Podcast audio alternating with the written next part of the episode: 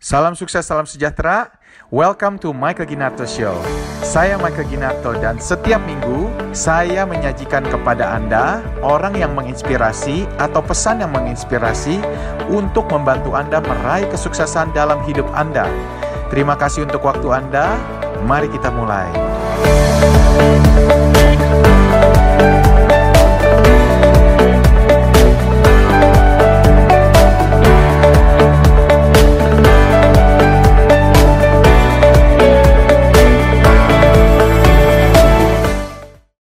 Di Silicon Valley itu kegagalan itu terutama orang yang tahu kegagalannya itu karena apa? Itu merupakan suatu badge ya. Jadi kayak sebuah uh, bukan kebanggaan tapi yang dia bisa ngomong bahwa I know what I did wrong. Waktu mereka melakukan bisnis yang baru lagi dia udah tahu yang salah apa aja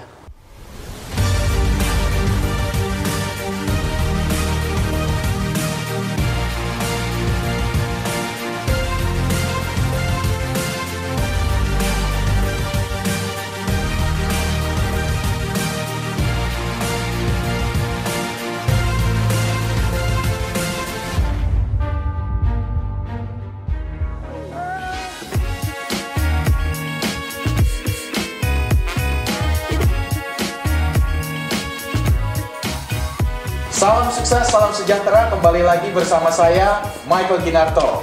Pada hari ini sangat istimewa. Kenapa? Karena kita kedatangan tamu yang super keren. Namanya Pak Arya Setia Dharma.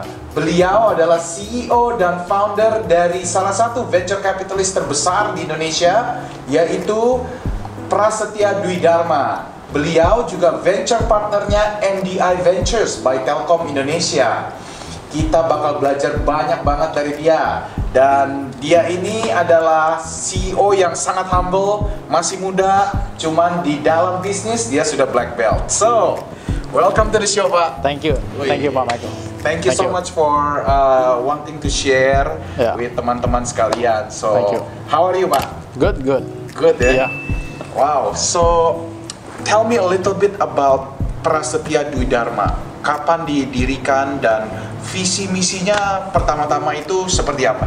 Oke, um, Prasetya Dharma didirikan tahun 2008. Kita dimulai itu sebagai kontraktor telekomunikasi. Tapi seiring waktu kita melihat bahwa telekomunikasi itu industri yang bukan sunsetting tapi growth-nya menurun. Jadi tahun 2012-2013 kita mencoba uh, brainstorm apa sih bisnis yang scalable, uh, marketnya besar. Dan waktu itu kita lihat bahwa trending di Amerika dan di China, di India adalah software companies are eating the world.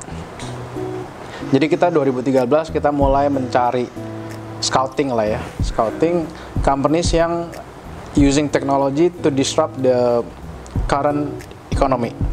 Jadi kita melihat mulai dari itu software as a service, apakah itu uh, yang app based technology, apakah itu IoT. Dari situ kita lihat bahwa banyak uh, masalah-masalah di masyarakat maupun di bisnis yang bisa ada solusinya dari menggunakan teknologi. Jadi itulah awal uh, muasalnya bagaimana kita bertransisi dari yang hanya kontraktor telekomunikasi menjadi investment di teknologi startup. Wow. Ya. Boleh cerita nggak sedikit hal apa sih yang paling sulit pas getting it off the ground gitu ya Prasetya Dwi Dharma ini? Apa sih? Waktu 2008 ya. Ya.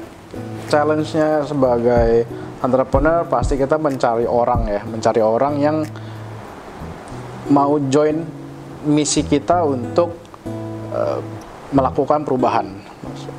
Kita setiap setiap company kan pasti punya visi misi. Ya, v- visi kita waktu dulu adalah untuk menjadi kontraktor yang terkemuka untuk telekomunikasi di Indonesia.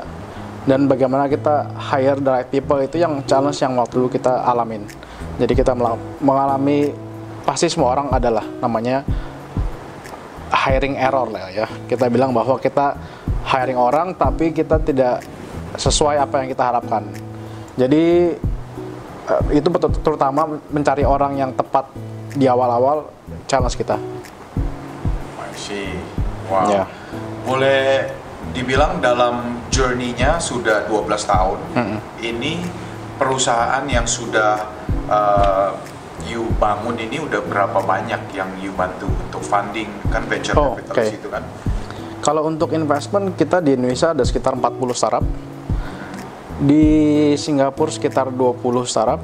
Di Amerika Serikat ada sekitar 15 yang kita udah invest. Wow. Uh, kita biasa invest itu very early stage. Ada yang angel stage, ada yang seed stage. Uh, sampai maksimum series A ya kita investnya. Ya. Sudah 75 perusahaan ya. Ya. Kurang lebih. Ya. Sekitar situ ya. Itu apakah komposisinya apakah tech company semua, apa semuanya online company atau campur bisa yang offline bisnis juga you bantu untuk uh, make it more successful.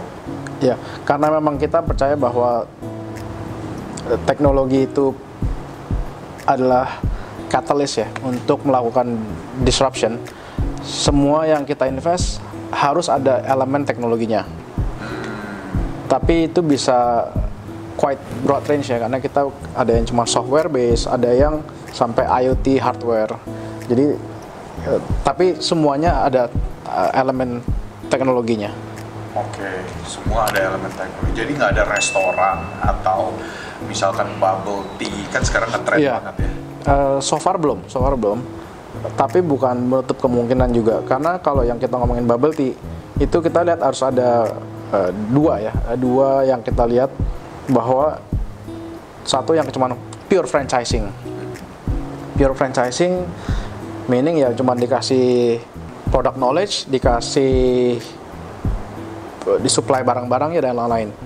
Tapi ada juga yang kita ang- bilang sekarang new retail. Ya, contohnya kopi kenangan, Fore. Itu yang kita bilang bahwa dalam mereka melakukan retail itu memang produknya adalah eh, mungkin kopi atau bubble tea Minuman ya. minuman, tapi mereka melakukannya dengan menggunakan data. Jadi kalau kita dari sebagai visi kita juga lihatnya bahwa itu data driven retail karena sebelum mereka melakukan ekspansi mereka udah tahu kira-kira daerah situ marketnya seperti apa. Dan ini semua juga karena katalis yang kita lihat adalah katalisnya adalah Gojek, GrabFood. Teknologi yang mereka udah bangun di Gojek dan Grab ini membuat bisnis new retail ini sangat dimungkinkan. Karena yang tadinya location kan pernah ada ada ada or- orang yang bilang bahwa location location location. Because location is important for retail. But nowadays is not that important anymore. Nggak nggak terlalu penting lagi. Karena kita bisa lihat ada ada fore yang cabangnya itu di bukan di jalan rayanya mungkin di jalan bukan jalan yang padat traffic gitu tapi yang eh, jalan secondary-nya. Kenapa? Karena traffic di luarnya ini nggak nggak terlalu penting untuk mereka. Karena kebanyakan mereka ordernya dari online. Oke. ya. Jadi nowadays eh, Gojek Grab ini memang enabling other businesses untuk eh, apa namanya muncul ya ya Location based juga ya, service-nya jadi lebih cepat ya. Iya, tapi mereka tidak perlu prime location. Nggak perlu prime location. Iya. Secondary, Iya. third juga Iya. boleh. Iya. I see. Iya. Oh, that's interesting. So, sebenarnya berarti Prasetya Dwi Dharma ini nggak ada uh, spesifik industri yang saya harus software enggak ya. Jadi membuka juga ya karena kan itu boleh dibilang kan asumsinya para uh, pengusaha kan yang mau dapat funding, mengajukan idea bisnisnya itu kan biasa kan ah ini mah dia cuma mau yang offline bisnis gitu loh atau apa gitu. Hmm. Cuma Iya. enggak juga ya. Is, is there a myth? Em, kalau untuk mungkin kita harus kategoriin dulu tipe investornya ya. Kalau pure angel investor yang memang ada misi pribadi untuk membantu UKM, mungkin tidak perlu melihat sampai harus ada aplikasinya atau apa itu. Tapi kalau kita lihat harus ke visi dan lain-lain itu yang yang yang lebih mengharapkan growth yang cepat. Saya rasa tetap perlu ada elemen bahwa apakah em, mereka menggunakan datanya untuk Misalnya dengan data mereka ini mereka bisa em, apa mel- melakukan bisnis yang lebih lebih sempurna. Jadi continuous improvementnya ini berdasarkan data. Jadi ini ini yang kadang-kadang kita perlu lihat juga bahwa siapa investor yang kita approach, yang kita mau em, apa minta untuk funding harus investor yang memang cocok sama bisnisnya. Karena nggak semua bisnis itu cocok untuk ke arah venture funding. Betul. Ya. Hmm. Jadi ada bisnis yang memang bisa grow, bisa profitable, eh, tapi nggak cocok untuk funding, untuk visi funding. Contohnya paling gampang misalnya rumah sakit ya, bisnis rumah sakit. Emang ini capital mungkin besar, tapi bisnis rumah sakit adalah bisnis yang bisa profitable dan mungkin akan menarik minat dari private equity yang secara return mereka target returnnya tidak setinggi em, apa visi untuk investment tersebut, tapi risikonya juga downside-nya juga nggak nggak nggak nggak nol gitu. Kalau venture capital mereka targetnya adalah yang high risk high return. Yes. Karena mereka akan invest misalnya let's say let's say ya 20. Mungkin yang sukses cuma tiga. Wow. Ya, jadi yang lainnya nol misalnya.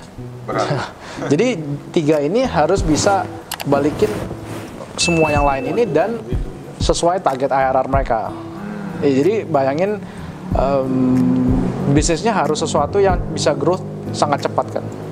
Benar. Benar. Jadi sebagai business owner, I think it's important ya untuk bisa melihat ke bisnis yang sekarang ini, apakah bisnisnya scalable dan bisa high growth or- atau enggak atau tidak ya. Oke. Bagi orang yang pengen berpikir memulai suatu bisnis yang baru nih, mereka baru udah mikir sampai nggak bisa tidur gitu kan. Aduh, yakin banget ini bisnis bakal melejit, untungnya sabrak-abrak sampai nggak bisa tidur. Dia ngomong ke papanya, ngomong ke mamanya, ke temennya, ke pacarnya atau ke istrinya gitu loh Hmm, hmm. dia mikirin terus. Nah, tips apa yang yang bisa eh, Pak Arya kasih? Hmm. Mungkin da, berupa pertanyaan-pertanyaan yang dia harus bisa jawab sebelum dia mungkin bikin pitch deck gitu loh. Ya, ya. Ah, Selalu pasti harus mikirin kita jangan mikirnya saya bisa buat. Karena kalau cuma mikirnya saya bisa buat, banyak orang yang bisa buat. Pasti. Tapi juga mesti mikirin marketnya ada nggak? Seberapa besar marketnya? Mungkin marketnya jangan cuman uh, garis besar, tapi juga di slicing. Misalnya contohnya kita bikin software misalnya untuk apa ya? Software untuk rumah makan Padang misalnya. Kira-kira pain pointnya rumah makan Padang seperti apa? Oke. misalnya terus dia buat bisa mikir oke ada s- software yang khusus buat rumah makan padang nggak cocok untuk misalnya di Pizza Hut nggak cocok atau yang lain oke marketnya mungkin ada rumah makan padang tapi terus dia juga harus melakukan research misalnya ada berapa banyak sih rumah makan padang di Jakarta rumah makan padang di tier 1 cities yang lain tier 2 cities tier 3 cities karena ter- eh, yang pasti GDP per kapita tiap kota itu kan beda-beda. Iya. GDP itu bahasa Inggrisnya bahasa Indonesia apa? PD, BDB ya. Pendapatan per kapita. Iya. Ya. Pendapatan per kapitanya itu Iya. beda-beda kan. Di Jakarta itu sekitar 240 juta per tahun. Di apa namanya? eh, Ja- Jawa Barat, Banten dan lain-lain itu kalau nggak salah sekitar 50 atau 60 juta. Oh, Kalau nggak salah, kalau nggak salah ya. Ya? national GD, eh, GDP per kapita kita itu eh, 4000 US. Jadi ya sekitar 54 juta ya. 50 juta. Ya. Jadi memang apa namanya? hmm, kita perlu perlu slicing by marketnya juga. Jadi misalnya buat kita bilang itu untuk restoran Padang, restoran Padang di tier mana yang cocok nih? Karena mungkin cuma yang tier 1 cities dan Jakarta aja yang cocok. Nah kalau misalnya software itu kita jual dengan harga let's say 1 juta per bulan per restoran. Dikaliin aja total restoran tersebut. Itu jadi kira-kira yang bottom up approach untuk market sizingnya. Dari situ bisa kelihatan kan, kira-kira marketnya besar atau enggak. Uh, kalau misalnya memang ini 100 million dollar market atau 1 billion dollar market, mungkin itu is apa namanya untuk dilakukan ya worth it lah ya. Untuk dilakukan kita capeknya bisa menghasilkan gitu. Ya, sebanding lah dengan capeknya Pak karena pasti akan struggle kan. Iya, Ada iya. titik di mana dia pasti ketemu brick wall gitu. Iya. Dan pastinya kalau udah kita nyari funding di yang ke venture capital untuk lanjutan-lanjutannya, mereka pasti juga ngelihat market size-nya itu. Market size-nya itu. Iya. ya. Tapi bukan berarti nggak bisa berkembang market size-nya karena kan misalnya tadi dia buat restoran Padang. Ternyata dia lihat mungkin restoran yang lain bisa pakai juga. Mungkin yang lain juga bisa dipakai juga dengan dengan sedikit customization atau gimana cocok untuk restoran lain misalnya. Karena kan tiap walaupun restoran tapi prosesnya berbeda. Eh, kayak misalnya Padang kan udah masak dulu tuh semua tuh, tinggal di serving aja gitu kan ya. Tapi kalau misalnya restoran lain kan by order misalnya. Jadi karena beda proses tersebut juga bisa membuat softwarenya berbeda. Oh, Tapi dengan dia berhasil membuat software berbeda, tentunya market size-nya bertambah. berarti nomor satu market size-nya seberapa besar? Ya, Nomor dua pain point apa yang bisa diselesaikan gitu kan? ya, ya. Nomor tiga mungkin kalau udah tahu pain point-nya, you bisa kerjakan apa enggak selesaikan Ya, gitu ya. sudah eh, tepat sekali sih Pak, tepat sekali Pak Michael karena yang tadi itu adalah market Market size. Ya, yes. yang kedua ini secara problem dia bisa ada solusinya atau enggak itu pain point Yes. tersebut. Yang ketiga biasa kita panggilnya bilangnya itu uh, founder product fit. Hmm. Yaitu sebagai yang mendirikan ini dia ngerti nggak sih dan bisa execute atau enggak. Hmm. Jadi biasanya kita lihatnya dari founder product fit, cocok nggak foundernya itu. Kedua itu product market fit. Oke. Jadi tadi seperti tadi kan dari founder ke produk dia bisa uh, deliver atau enggak. Dari produk ini jadi ke marketnya bisa deliver atau enggak. Itu stage-stage yang di mana uh, dari si investor akan lihat. Kalau yang awal sekali seed pasti kita lebih lihatnya adalah foundernya, Foundernya founder produk fitnya ada nggak nih. Tapi tentunya dengan market yang besar. Nanti setelah kita kasih funding, kita akan cari di mana titik di mana dia bisa produk yang dia buat diterima oleh market. Diterima di oleh market adalah oh, market mau bayar ya. Mau bayar atau nantinya ada monetization di setelah dipakai oleh customernya. Jadi memang it's a long journey dan kita biasanya nyari founder yang mau commit untuk melakukan ini up to 10 years ya karena nggak ini it's not a short marathon ya. ya it's not a short mungkin banyak kan orang dengar oh baru buat dua tahun udah exit gitu kan tiga, tiga tahun exit it doesn't happen too often ya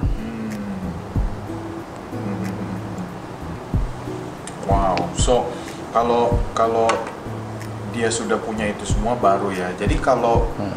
Prasetya sendiri apakah punya spesifik ini tadi kan ada seed, ada angel investor, ada seed sampai itu Hmm. Ya. maksudnya apa sih bagi yang nggak ngerti ini? Oke, oke. Eh, biasanya kalau angel stage itu kita mungkin masih idea stage, kita mencarinya namanya juga angel. Angel kan malaikat ya. Kita mencarinya investor itu ya teman ataupun keluarga yang memang believe sama percaya bahwa individu ini bisa dan mau melakukan bisnis itu. Yang mungkin tidak terlalu concern terhadap marketnya. Angel investor mungkin nggak terlalu mempertanyakan lah hal-hal tersebut. Lebih ke arah mau mau support lah mau support deh. iya kayak kayak gitu lah. gitu. Iya ya. kamu nih. Karena emang ada saying deh ka- kalau misalnya angel investor should just apa namanya write down the investment. Karena biasanya angel investment Hilang. hilang Gitu, ya hilang. setelah itu masuk ke biasanya pre-seed atau seed tergantung dari angel stage ini mereka udah bisa jadi seperti apa Bikin prototipe, Iya. contohnya Iya. sudah bisa menghasilkan revenue apa enggak? Kalau biasanya kalau prototype udah jadi atau misalnya udah ada early uh, early user gitu ya, mungkin bisa kita bilang seed. Oh, Ya. kalau yang angel itu up to berapa dananya? Itu nggak sekarang udah agak kita nggak bisa bilang ada spesifiknya ya, karena tergantung dari bisnisnya juga. Kalau misalnya bisnisnya ini membutuhkan banyak capex ya, yang untuk di awal, tentunya angel stage-nya bisa cukup besar karena perlu beli banyak al- alat dan lain-lain. Jadi memang tergantung bisnisnya apa sih. Kita nggak bisa pukul rata bahwa pokoknya cuma segini gini. Karena kalau misalnya dia butuh misalnya hardware atau apa dan lain-lain, dia butuh sampel, dia butuh ya misalnya beli contoh dulu atau gimana kan? Ya, sampel ya. ya unit capex in the beginning kan. Jadi tergantung bisnisnya juga sih ya. Kita nggak bisa pukul rata. Oke. Terus habis itu ke seed udah jadi prototype ya. ya seed kita biasanya secara bisnis model kita udah kira-kira mau seperti apa udah ke- kebayang. Eh, target marketnya siapa kira-kira udah kebayang. Tapi belum terbukti. Ya jadi kita masih masih kayak hipotesa ya masih hipotesa. Tapi udah kira-kira mau ngapain udah, udah ada gambaran. Mulai jelas nih. Iya, itu biasa kita masuk seat Eh, lebih lebih jelas dia mau ke mana. Kalau misalnya kita bandingin ini dia mau, say, mau jadi mau ke Bogor gitu, dia udah tahu oke ini petanya kayak mau ke Arahnya kayak ke mana. Iya, iya. Kira-kira ya. Seed ya. Habis itu Ya. si- series apa-apa apa. Nextnya sih biasa series A atau kadang-kadang kalau misalnya belum bisa jadi itu pre series A lebih ke arah ini blurry juga sih cuman kalau udah kelihatan produk market fit yang artinya adalah bisa tunjukin bahwa produk yang saya buat ada yang mau beli kira-kira yang mau beli ini tipe demografinya seperti apa dan mungkin bisa tunjukin bahwa ada orang yang udah beli dua kali tiga kali. Jadi ada loyal customernya juga. Oh, jadi bukan cuman yang one oh ya. saya tawarin ini tapi terus udah nggak pernah beli lagi gitu kan. Oh. jadi perlu juga nunjukin bahwa people actually love your product. Ya. Setelah itu? Udah itu biasanya growth stage ya. Itu udah kalau gitu ngomongin em, dari series A itu kita bisa build a team atau enggak. Karena kalau udah namanya growth stage itu yang paling penting adalah secara tim kita bisa delegate a lot of stuff ya. Kita bisa mendelegasikan tugas-tugas yang tadinya mungkin dilakukan semua oleh foundernya dilakukan oleh timnya. Ya. Sama lah kayak misalnya sekarang kayak Tokopedia gitu kan ntar dia udah punya VP up, up yang growth lah, VP product lah, VP engineering, udah hmm, marketing, terus market manager dan lain-lain. Jadi lebih ke arah building the the in- apa namanya manpower infrastructure-nya untuk support the growth. Ya. Wow. Itu yang kita biasa cari sih karena walaupun founder itu bisa bikin produk, tapi kalau dia nggak bisa bikin sebuah perusahaan, a company, nggak bakal kok grow ya, ya. ya nggak bakal grow. Grow juga ya. ya. Indian foundernya needs to become a leader atau find someone yang bisa grow the company. I see. Ya. tipe apa aja sih yang in your eyes atraktif lihat 75 perusahaan akhirnya you pinang gitu kan istilahnya kan Oh, what do you look for gitu loh Um, is it like passion ya. In a person is it the, the, the character is it the chemistry is Yeah. it the capacity of the person gitu loh apakah lihat apa is it like the team kan banyak nih Yeah. uh, circle around kan in the market Yeah. oh kalau mau ke VC tuh yang atraktif mesti timnya yang Yeah. dilihat timnya Yeah. produknya belum ada nggak apa-apa Yeah. gitu loh atau apa sih Sebenarnya memang kalau misalnya kita lihat kan kita melakukan banyak, banyak investment ya. Paling penting untuk early stage memang founder dan tim. Karena itu sebelum dia nemuin product market fit itu bisnis modelnya bisa berubah-ubah. betul Dari yang tadinya mungkin peer-to-peer lending, ntar tadinya targeting eh, individu bisa tahu ke arahin bisnis. Jadi kayak working capital buat SME. Iya, iya, iya. Kalau foundernya nggak bisa pivot dan mendapatkan market yang baru, company akan mati. Jadi memang perlu founder yang bisa lincah, tapi juga bisa tahu what's right for the company. Kalau misalnya it doesn't work, let's move on to what the potential yang yang marketnya. Jadi memang kita bu- butuh founder-founder yang bisa build tim yang memang punya capability beyond just product manager ya. Karena kalau cuma cuma product manager cuman uh, bikin produk tapi nggak bisa bikin tim uh, akan susah untuk grow-nya. Jadi dari sekarang kita juga nyari untuk founder-founder yang secara leadership leadership skill juga harus ada. Karena one day ya dia harus menjadi figur di sebuah perusahaan yang growing ya. Um, jadi itu yang kita cari juga. Karena kalau saya itu kalau misalnya cuma bilang bikin aja, mungkin banyak orang lain yang bisa bikin. Tapi anggap bikin um, atau gini, gampangnya cari orang yang bisa bikin fast ini. Mungkin banyak. Tapi setelah fast itu jadi, ditambahin bunga kayak seperti apa untuk mempercantik ini ya warnanya apa lekukan-lekukannya seperti apa. Mungkin yang untuk handle-nya lebih enak. Terus ditaruh di tengah meja seperti ini. Baru cantik gitu. Tapi kalau cuman bikin fast-nya aja mungkin banyak yang bisa yang bisa buat ya. Tapi presentasinya eh, orang lihatnya seperti apa warnanya dan lain-lain ini kan juga penting. Jadi karena ini kan barangnya akan dijual ya. Jadi kalau saya percaya bahwa apa pun yang dijual itu kita harus lihat dari economics ya. Karena economics itu kan study of yang people ya. jadi em, bahwa what we're selling orang harus mau beli kan? Kalau kita buat sesuatu tapi orang nggak mau pakai walaupun kita merasa itu sangat bagus ya nggak akan ke mana-mana. Ya kan? Jadi menurut saya ya membuat sesuatu tapi juga know your customer itu juga sangat penting karena dari kita bisa bi- supply tapi kalau nggak ada demandnya nggak ketemu So people always say, if you're successful, people vote with their wallet, not with their mouth. right? Iya kan? Dia Yeah. bilang, oh barangnya bagus, bagus, cuman nggak ada yang mau beli. Gitu, ya.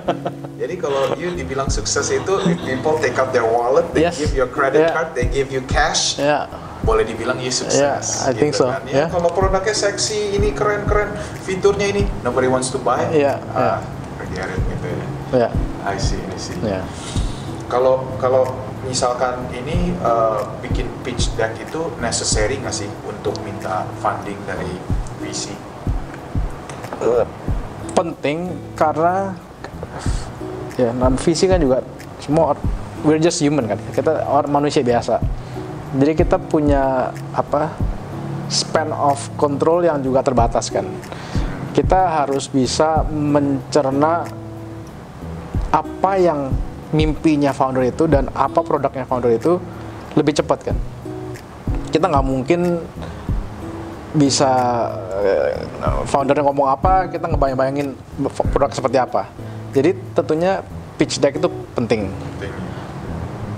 apakah harus bagus sekali sempurna gitu mungkin enggak tapi lebih ke arah straightforward dan to the point-nya itu loh jadi lebih ke arah problemnya apa solusi yang mereka tawarkan apa marketnya seperti apa tim mereka tim mereka seperti apa ini untuk yang early stage itu sih yang penting sih Nggak perlu bayar, ada ya sekarang services bikin pitch deck 50 juta gitu ya. enggak lah Hah? itu nggak penting sebenarnya Nggak penting. ya. Iya. Yang penting thought prosesnya jelas, Iya. target marketnya jelas, all the statistic and then game plan-nya juga jelas. Iya. gitu. And, Iya. and also the personality of the person yang kayak tadi.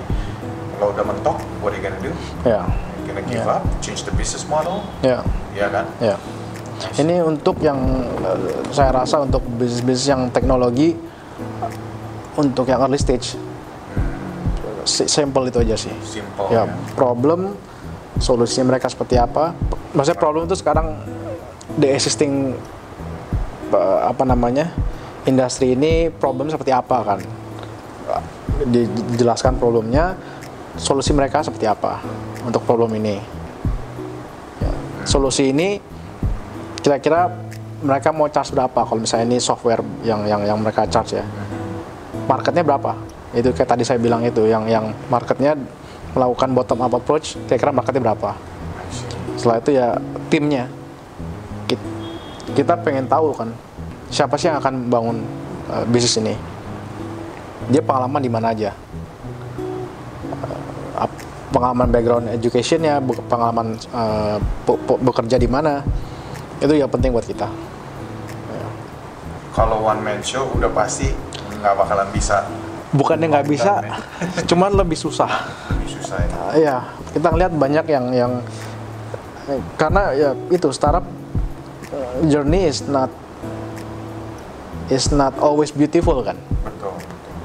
Jadi semua entrepreneur sih pasti ngerasain sih bahwa pasti ada di masa-masa di mana kita kayak mempertanyakan, am I doing the right thing? Am I doing something yang something that we love gitu kan? Do I still have the passion of doing this?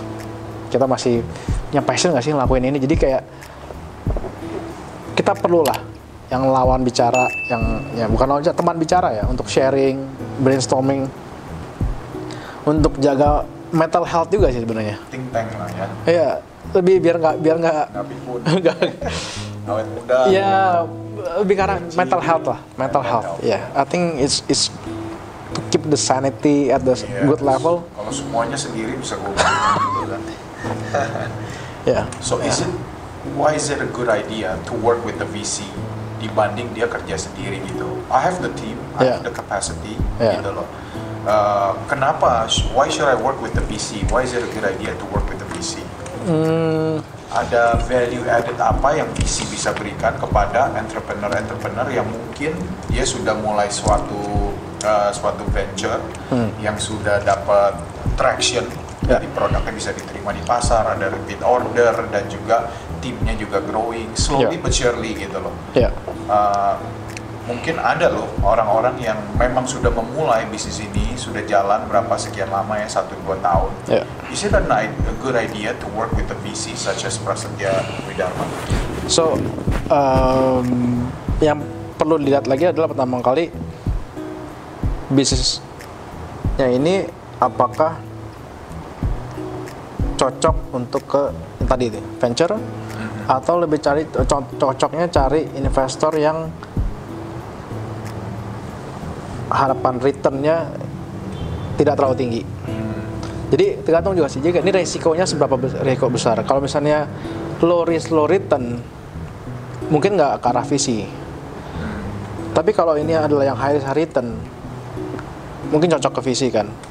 Tapi apa sih yang visi bisa berikan? Itu lebih ke arah visi kan kita dengan dengan dengan untuk kita lebih lebih bukan pintar ya, tapi lebih tajam. Kita kan juga banyak membaca mengenai tren di India, tren di China, tren di US, what works there, um, apa yang gagal di sana. Ini kita jadikan digest juga dan menjadi source of information yang kita pakai untuk je- jebantanin ya. Jadi karena kita lihat juga banyak founder fokus on their product. Kita melihatnya juga mereka kadang-kadang nggak tahu apa sih yang di luar sana yang berhasil. Dan bisa aja sebenarnya mereka punya data ataupun punya customer base yang cocok untuk bisnis tersebut di luar. Dan dengan sedikit perubahan mereka bisa menjadi menargetkan target market tersebut. Misalnya ya. Jadi memang dengan se- sebuah visi kita punya information yang yang kita rasa founder nggak punya akses gitu. Blind spotnya mereka Iya. udah lihat gitu. We provide them with information satu di sana executionnya gimana, jadi mereka bisa melakukan yang sama di sini. kita lihat banyak yang misalnya di India bisa berhasil, di sini dengan execution yang mirip-mirip bisa berhasil. Karena juga di India itu juga tier 1 cities, tier 2 cities, tier 3 cities-nya juga sangat jomplang. Jadi kalau dia berhasil di tier 3 cities, kemungkinan di Indonesia bisa jalan juga tier 3 cities. Jadi contohnya itu seperti itu. Hal-hal seperti itu yang kita rasa bahwa kita punya aksesnya ya. Jadi yang udah pasti dikasih support sama mentorship berarti ya. Ya. Soalnya sudah ada case studies dari negara-negara yang sudah lebih mature, Ya. yang marketnya mungkin udah lebih saturated. Di sini masih belum ada. Iya, iya bisa. Berarti bisa ada, eh, it's not the same market, it's not Ya. the same culture. Cuman boleh juga jadi bahan pertimbangan Ya. to make a decision gitu. Ya. Dan challenge-nya apa ya problem yang mereka udah ada- hadapin kita bisa kasih tahu dulu ke mereka kan. Jadi mereka nggak melakukan hal yang sama lagi. Ya. Ataupun kalau misalnya mereka tetap mau mencoba, Ya. mereka udah tahu nih. Oh, kira-kira resikonya ini. Sehingga begitu resiko itu datang, mereka cepat bisa bergerak kan. Eh, sebelum itu benar-benar udah parah. Exactly. Jadi ya seperti itu ya. Jadi support definitely is one of the most important Yeah. actually, ya Yeah. kan? Because Yeah. VC udah jadi kayak bukan cuma mitra ya, jadi mentor juga ya. Ya, eh, ya mitra dan mentor.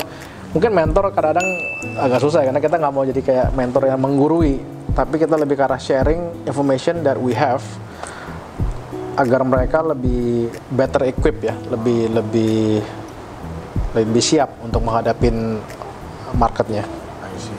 Ya, Berarti it's a good idea lah. Intinya it's always a good idea to go with the VC ya. Especially kalau untungnya gede, boleh telepon VC. Please call me now, I'll give you some more money to scale up your business gitu ya. kalau dengan contohnya dengan MDI Ventures kan Yes. itu kan yang dengan Telkom. Ya. Tentunya karena itu corporate venture capital arm dari Telkom, eh, kita punya tim sinergi yang tugasnya adalah untuk membantu portfolio company untuk masuk atau berkolaborasi dengan Telkom companies. Wow. Ya, That's jadi big. ya jadi ada beberapa yang berhasil dan mendapatkan banyak revenue dari situ juga. Wow. That's big. Jadi memang itu yang yang di sebagai kalau untuk yang bukan corporate visi Ya. mungkin saling bantunya adalah oke kita kenalin kolaborasi dengan portfolio company yang lain. Kita harapkan dengan dengan mereka berkolaborasi, mereka waktu mereka go to marketnya nggak double double. Ya. Contohnya gini misalnya, em, misalnya saya, saya bikin botol gitu, tapi ada startup lain yang bikin tutupnya. Dengan dia supply ke sini, tiap saya jualan, dia juga jualan kan. Ya, jadi yang bikin tutup ini nggak perlu melakukan marketing ke customernya daripada jualan sendiri-sendiri gini. Ini jualan ke sini, ini jualan sendiri masuk kan. Jadi ya ini contoh aja ya maksudnya kayak ini. Network loh. Hah? Network kan. Maksudnya network because you have uh, bird's eye view. You tahu you punya perusahaan apa aja, Hmm, bisa connecting the dot, Ya, ya, ya, kan? ya. Antar dua bisnis yang saling melengkapi lah Ya, ya. atau gini, gampang ini, misalnya tadinya ini kosong gitu, nggak ada, Ya. nggak ada itu, cuma ada sini ada E-nya doang gitu ya. Ya. Terus dengan kita lihat bahwa eh kayaknya cocokan di sini ditempelin stiker yang mentereng sehingga lebih menarik gitu. Iya. Ya udah kita tam- tambahin sini kan ini yang jualan stiker dapat revenue, yang jualan botol mungkin juga ada added value dengan ada uh, stiker ini. Ini yang analoginya ya. Kita melihat di mana bisa ada kolaborasi yang win-win for both ya. Oh keren juga ya. Berarti is always a good idea lah. Kalau kalau bisnisnya merugi, tetap masuk gak VC? Eh, Bisnisnya harus merugi, ada kalau gini. revenue going down, but he's your best friend. Oh, So character wise, No, ya yeah. you tahu lah, he's he's a good guy gitu. Cuman bisnisnya going downward, downward gitu loh. kalau untuk visi susah sih. Susah Karena, ya, Harus yang karena lagi on the way up. Iya. Karena eh, apa namanya revenue going down itu ya itu tadi kan berarti ada churn ya, ada ada customer yang hilang kan, ada customer yang nggak loyal lagi. Eh, masalahnya apa? Itu jadi akan banyak banyak di- di- dipertanyakan sih. And karena memang venture funding ini masuk ke sesuatu yang high growth, kalau itu nunjukin turunan itu red flag sih biasanya. Red flag ya Iya. for VC. Kecuali itu seasonal ya, misalnya ini turun dikit tapi naik lagi, ini lagi. Ini em, kita bi- bisa bisa memang itu it happens gitu, naik Iya, turun gitu. Tapi major gitu kan. Banjir.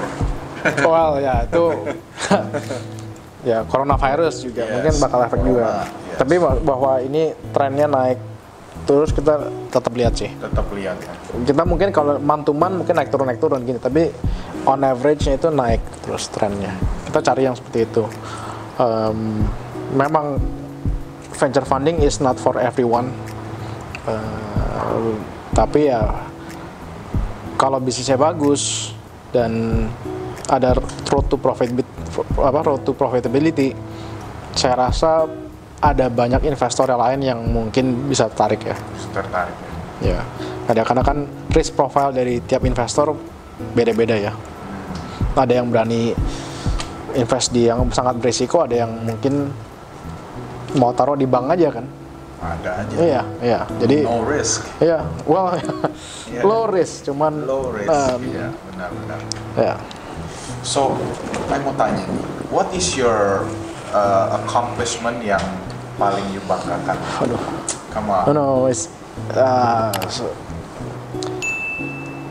susah ya. Saya, saya, saya, Terlalu saya bu- banyak. Nggak, bukan. Saya merasa bahwa, bahwa kayaknya kalau ngomongin suksesan itu, Accomplishment lah, not kesuksesan. ya Because we have not arrived. Because Exactly, success yeah. is a journey. Exa- kan? Yeah. Gitu. Jadi ya we have not arrived. Yeah. Cuman ada certain milestone and accomplishment that uh, stuck to your heart and to your mind gitu loh. Oh, I'm so glad I made that decision gitu loh. Oh, gitu loh. Em, apa ya?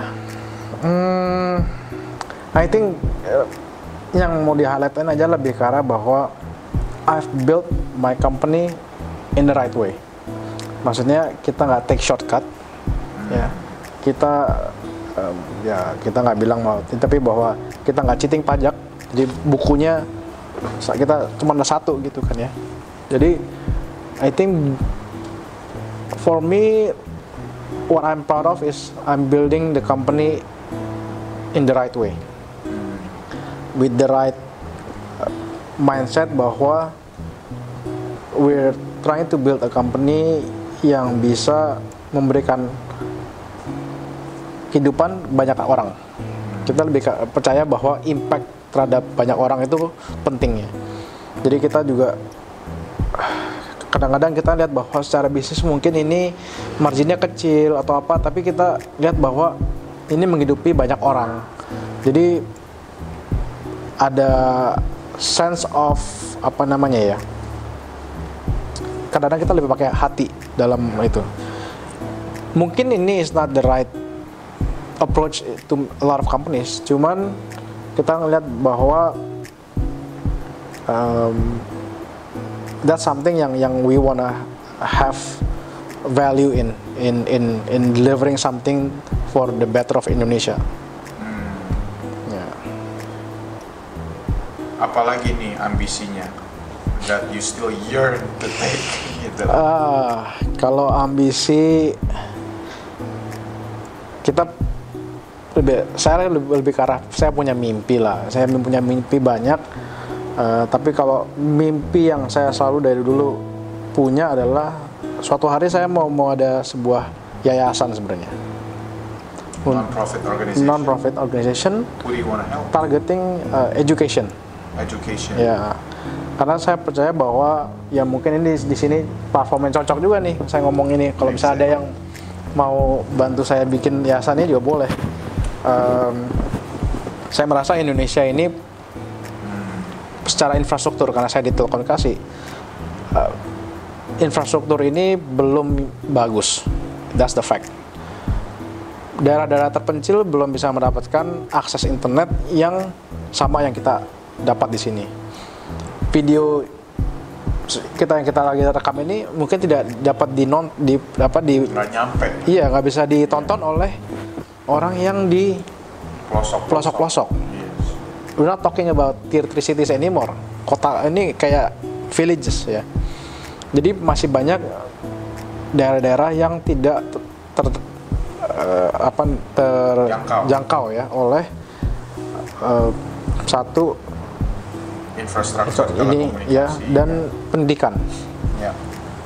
Jadi dengan saya di bergerak di teknologi ini, saya mencari juga banyak education startup ya yang bisa empower individuals di remote villages.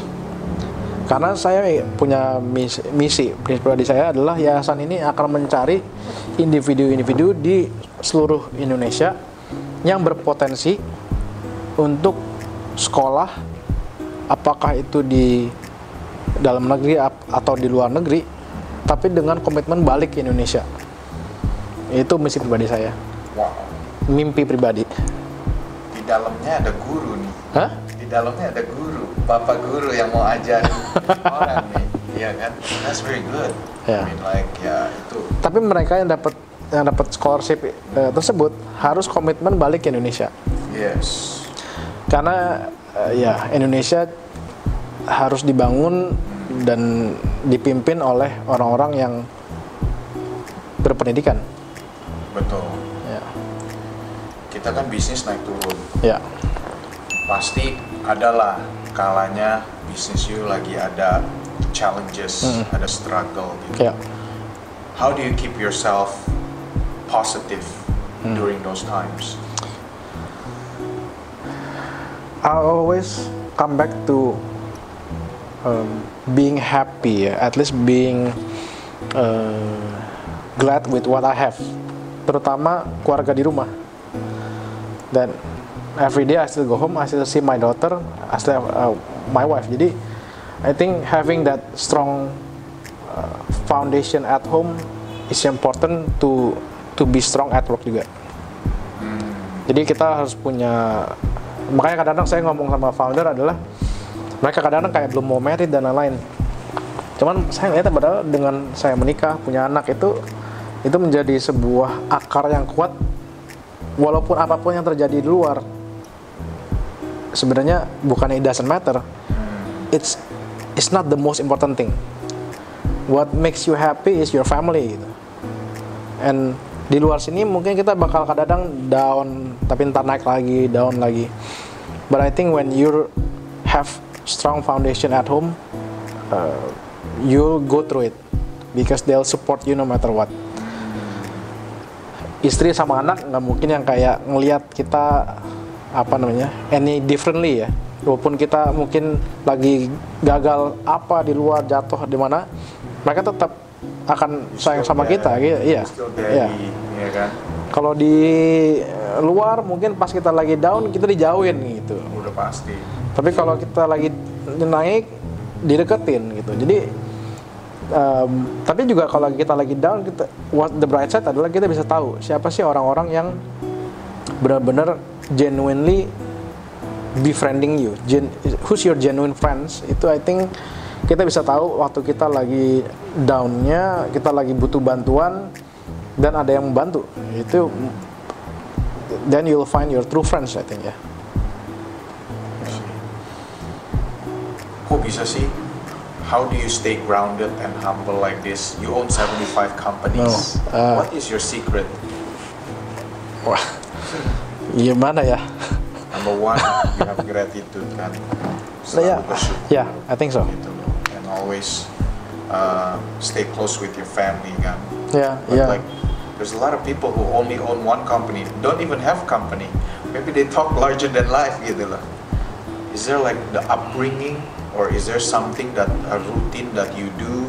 Uh, is it some is your belief system? I, ya, mungkin lebih ke arah dari pendidikan dari kecil sih ya, bahwa we have to be thankful for everything yang kita merasa bahwa memang kita eh, dibantu atau apa pun itu. Jadi memang dasarnya aja tuh misalnya bilang terima kasih harus berani bilang minta maaf em, minta dengan tolong minta tolong gitu kayak tolong ambilin ini jadi I think having that kayak kalau bahasa Inggrisnya jadi please sorry thank you gitu ya being able to genuinely uh, speak those things kayak ngomong uh, itu hal-hal tersebut tapi dengan dengan bermakna ya bukan cuman kayak You mean it. ya you mean it you mean it Yeah. when you say it gitu Sincere lah. Sincere. Tulus tulus ya.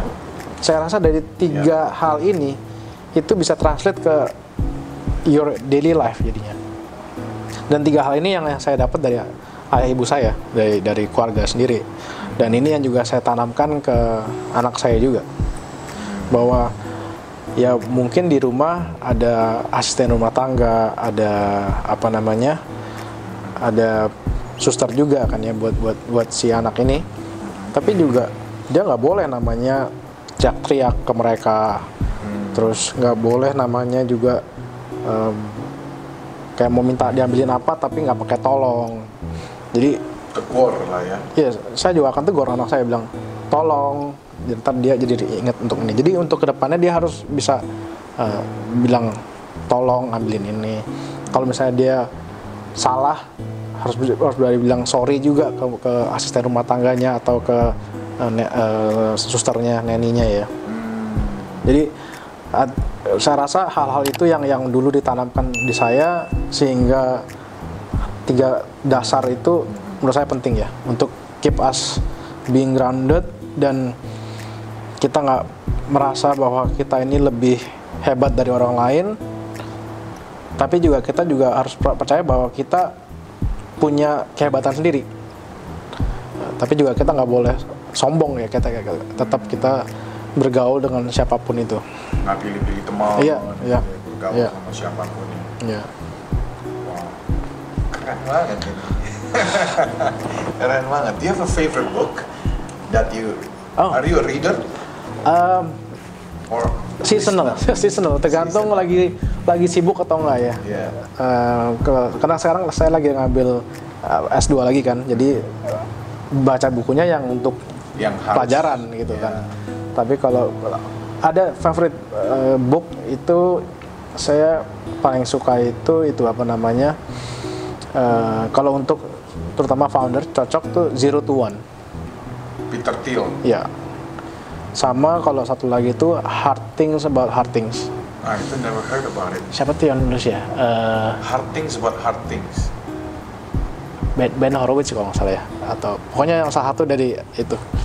Ada hard thing about hard thing Eh, itu yang menurut saya cocok untuk startup founder. Karena satu itu adalah waktu memulai dia zero to one itu kan waktu memulai. Yang kedua ini lebih ke arah eh, bakal ngalamin apa sih? As you grow itu bakal ngalamin apa aja. Yaitu masalah managing people ntar masalah managing juga ekspektasi dari investor dan lain-lain itu itu yang eh, lebih benar-benar cocok buat buat founder ya untuk entrepreneur ya buat entrepreneur saya, saya rasa itu dua hal yang cocok Dua hal ya. eh, dua buku yang cocok. Okay. What do you do? What do you tell somebody ya? When you go all in, you put everything that you have, Hmm. and then you fail. Hmm. What do you do? Buat dua mungkin apa yang saya katakan gitu ya? Yes. I will ask what do you learn from it? Ya. Soalnya di Silicon Valley itu kegagalan itu terutama orang yang tahu kegagalannya itu karena apa? Itu merupakan suatu batch ya. Jadi kayak sebuah eh, bukan kebanggaan tapi yang dia bisa ngomong bahwa I know what I did wrong dan itu jadi nilai tambah untuk entrepreneur tersebut untuk the second time around. Waktu mereka melakukan bisnis yang baru lagi, dia udah tahu yang salah apa aja. Oh saya salah karena waktu dulu saya hiringnya kecepatan. Oh saya dulu salah karena saya hire orang yang ini untuk ini padahal nggak cocok. Jadi nextnya seperti apa? Jadi saya rasa kegagalan yang kita udah alamin dalam bisnis dan saya rasa semua founder ngalamin lah kegagalan. Mungkin ada yang small mistake, big mistake. Tapi kalau kita bisa bisa sampaikan apa yang kita buat salah, saya rasa itu yang paling penting buat any entrepreneur ya.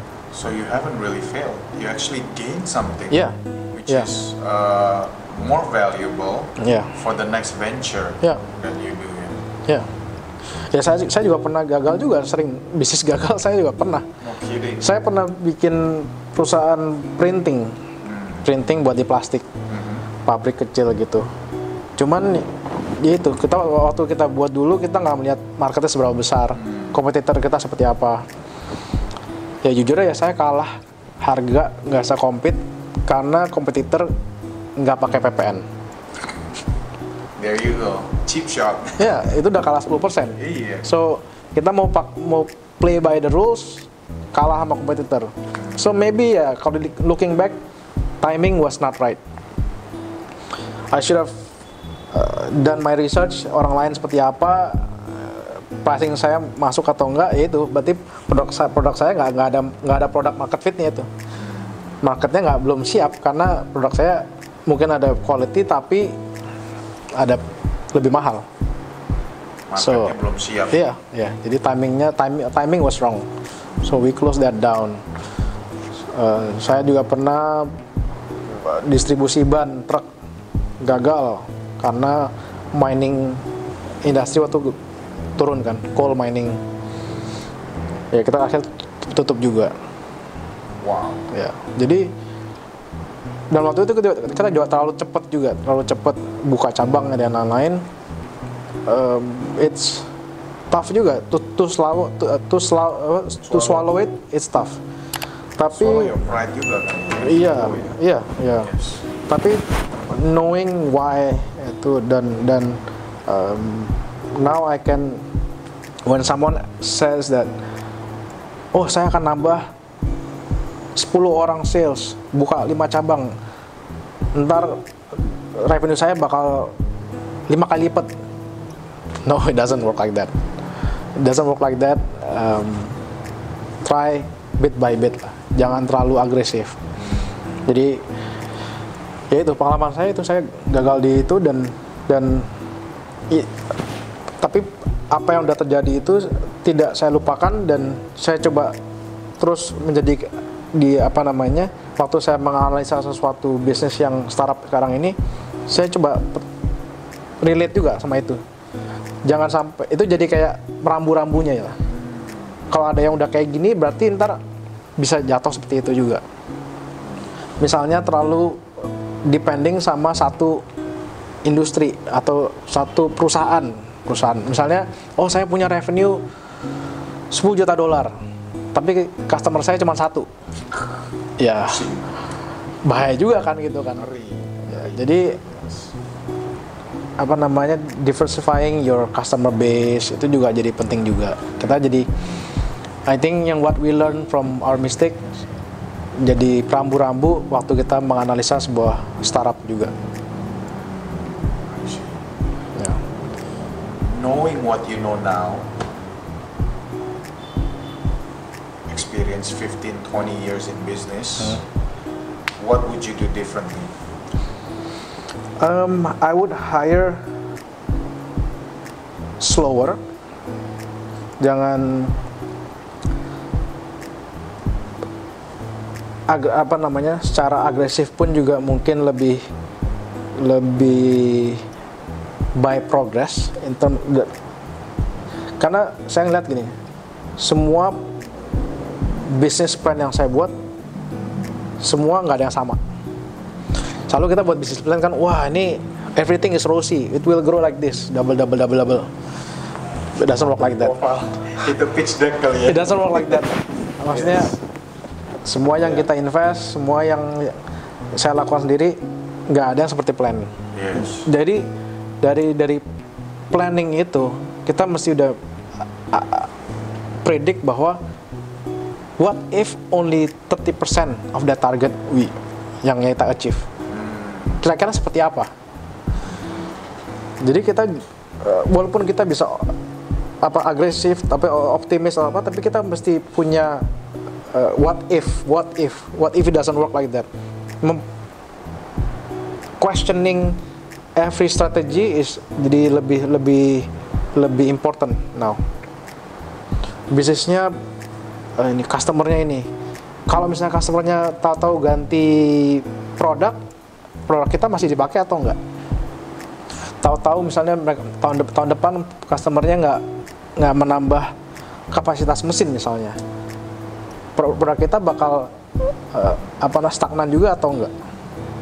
Atau kalau misalnya dia nambah kapasitas mesin kita bisa nggak na- menambah juga kapasitas untuk cater that business seperti hal seperti itu yang yang yang I would do differently ya. Untuk dalam menganalisa sebuah bisnis satu marketnya besar atau enggak kompetitornya siapa aja. Jadi itu waktu dulu saya lebih ke arah bikin bisnis tuh lebih ke arah I can do it. Now I I would st- step back lihat dulu worth it nggak untuk dilakukan? Marketnya besar nggak? Ada contoh nggak di luar yang sukses yang bisa di copy So it's not it's not about if whether the question is not it's not about if can I do this business. Yeah. It's about asking yourself is the opportunity worthy of me my of your time as well of my time Yeah. gitu ya Yeah. and my resources because Yeah. definitely no questions asked ya ability to execute pasti udah bisa gitu ya ya and then question-question yang lainnya yang kayak tadi ya Yeah. market size and stuff Yeah. like that gitu ya ya jadi agak sedikit jual mahal tuh opportunity ya sekarang ya sekarang ya Iya kan? Yeah. Because time is priceless kan, it's Yeah. very limited. So you focus and you do struggles and stuff like that. ya Wow, that's very mature way of looking at it ya. What's what what are some of the brands yang ada sih di your portfolio? Brand apa aja sih? brand Brand apa aja sih yang mungkin kita recognize nih di marketplace nih yang ternyata Yeah. is udah di groom sama your company gitu. yang pasti orang paling sering dengar adalah Clue Q L U E ya Oh, Clue ya. yang dulu pertama kali first implementation adalah di Jakarta Smart City dengan Pak Ahok itu mereka first implementation kalau nggak salah itu 2014 dan Prasetya invest di mereka itu 2016 jadi mereka udah ada sedikit traction lah ya. Dan waktu dulu kita lihat bahwa software yang sudah diimplement di Jakarta Smart City bisa digunakan lagi oleh uh, perusahaan ataupun uh, pemprov pemprov lain, pemprov ataupun uh, kota-kota lain, pemkot ya. Jadi memang waktu dulu udah ada ada tractionnya dan saya rasa itu yang paling paling terkenal saat ini. Tapi bukan berarti yang lain ini nggak terkenal mungkin lebih ke arah terlalu spesifik di industri masing-masing sehingga bukan yang mass market seperti Gojek I see. ya Very like services Yeah. services ya gitu contohnya ada juga namanya Cakap itu aplikasi untuk belajar bahasa Inggris Mandarin Jepang em, sama Indonesia bahasa Indonesia. Itu juga yang kita lihat bahwa marketnya besar yaitu karena karena ini app base orang yang ditinggal di mungkin kota Tegal atau Semarang bisa belajar bisa belajar dari guru bahasa Inggris yang native speaker karena kita gurunya dari Filipina jadi pronunciation dan lain-lainnya juga bagus itu yang yang yang apa Yang cakep ya. Iya, ada yang juga besar juga jurnal. Jurnalnya accounting software. Oh jurnal. Iya, jurnal. Mereka merger sama Slicker, sekarang brandnya Mekari. Jurnal accounting softwarenya ini mereka yaitu targeting SME. Jadi kalau punya pabrik kayaknya nggak cocok pakai jurnal, tapi kalau punya toko, punya trading company atau apa mungkin cocok dengan pakai jurnal. Jurnal ya. Iya. Apalagi ya yang Yang everyday people pakai apa tuh? Yang simplify people's lives gitu ya kan? nggak ada tuh kayak sekarang. karena mungkin karena background saya entrepreneur bisnis yang serving a lot of business to business. Banyak yang kita invest itu juga business to business, banyak kan.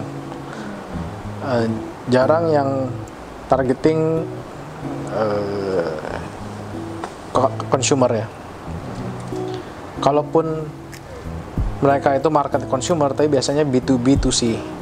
Jadi kita partneran dengan bisnis yang targeting consumer.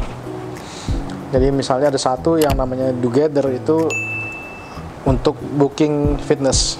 Oh wow. Ya, mereka ada di dalam Gojek juga di Gojek Oh, app. wow. Ya,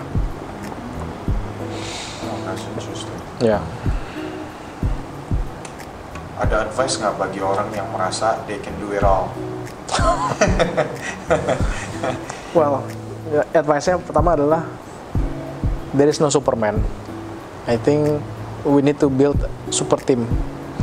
Jadi kalau kita satu orang dan percaya we can do it all, we have a span of control yang yang kita nggak bisa lewatin ya.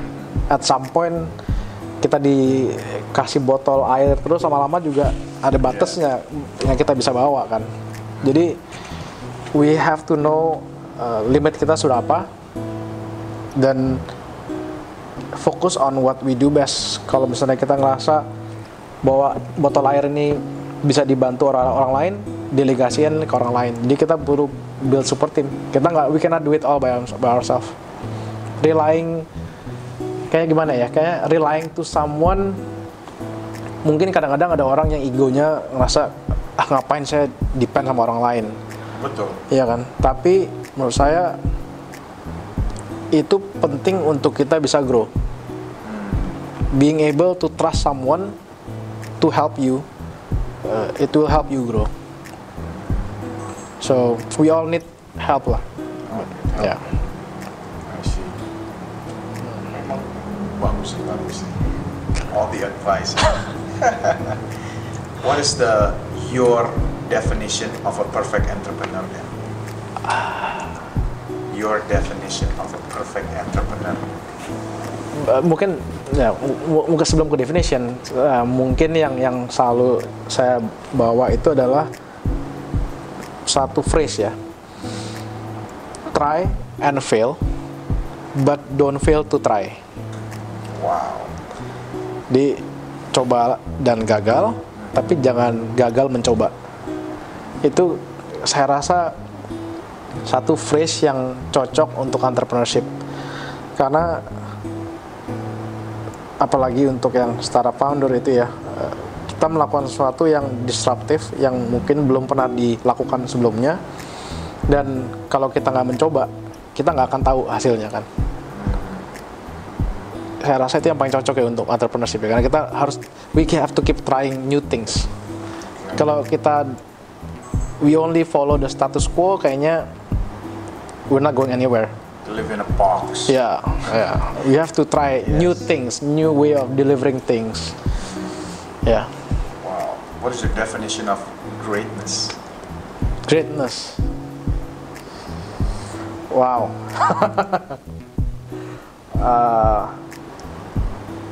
that's a bit tough for me but I think kalau greatness is being able to give back to society.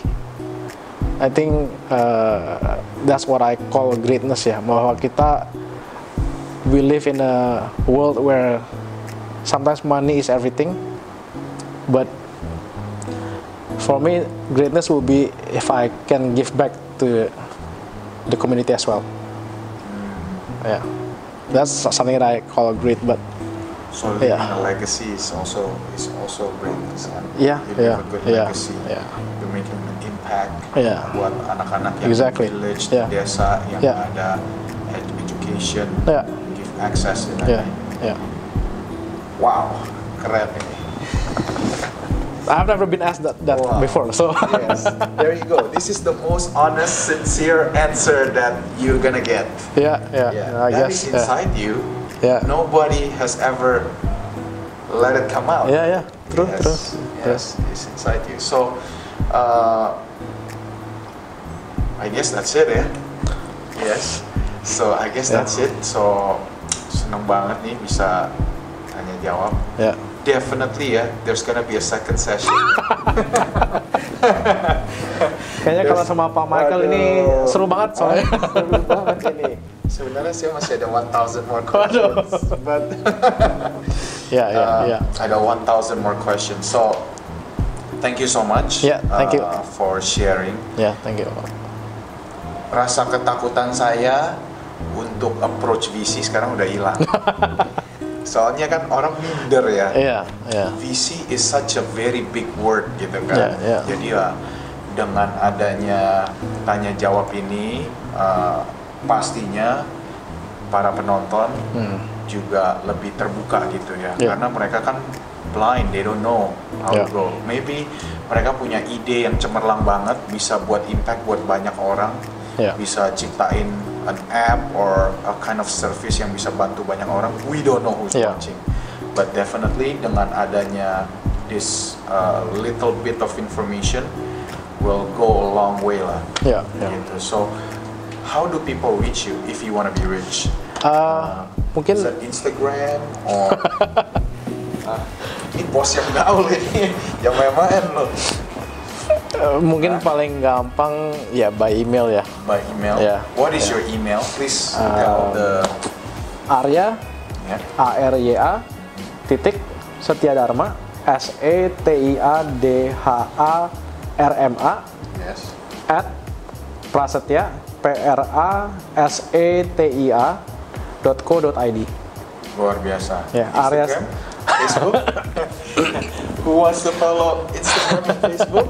Ya, share. Instagram is for private Oh, private ya. Oke, oke, oke. That's okay. Facebook Tapi. LinkedIn lah, kalau LinkedIn juga ada. LinkedIn, ya, just look me up ya, Arya Arya Setia Dharma. Ada Setia Dharma ya. Masuk majalah terus Hmm. Aduh, nih padahal nih. so, teman-teman sekalian, uh, sekian perbincangan saya dengan uh, bos yang super Aduh, keren no, no, not. Iya kan? Uh, saya yakin uh, sudah membawa banyak berkat dan informasi yang sangat bermanfaat. Jika Anda punya pertanyaan khusus, bisa komen di bawah. Ya, bisa juga email langsung ke Pak Arya yang email addressnya akan saya tulis link di bawah sini. Dan juga tadi Pak Arya juga ada sempat mention uh, beberapa app-nya beliau. Saya akan Ya. taruh di description below bagi yang mau tahu lebih lanjut download app-nya Hmm. dan juga saya sih bersyukur banget nih bisa ngobrol bareng sama Pak Arya Sama-sama. hari ini dan saya yakin teman-teman juga sudah bermanfaat. Oke, so jangan lupa komen di bawah, like, share, share di seluruh social media platform, di LinkedIn, Facebook, Instagram, TikTok, wherever it is, ya share, like, dan juga uh, komen. Ya. Oke, and please subscribe to channel hanya di Michael Ginanto. Oke, so oh ya, saya ini menayangkan uh, episode-episode be- perbincangan bersama orang-orang yang inspirational, master in the industry setiap hari Jumat. Oh. Oke, so jangan lupa klik subscribe. Oke, salam sukses, salam sejahtera.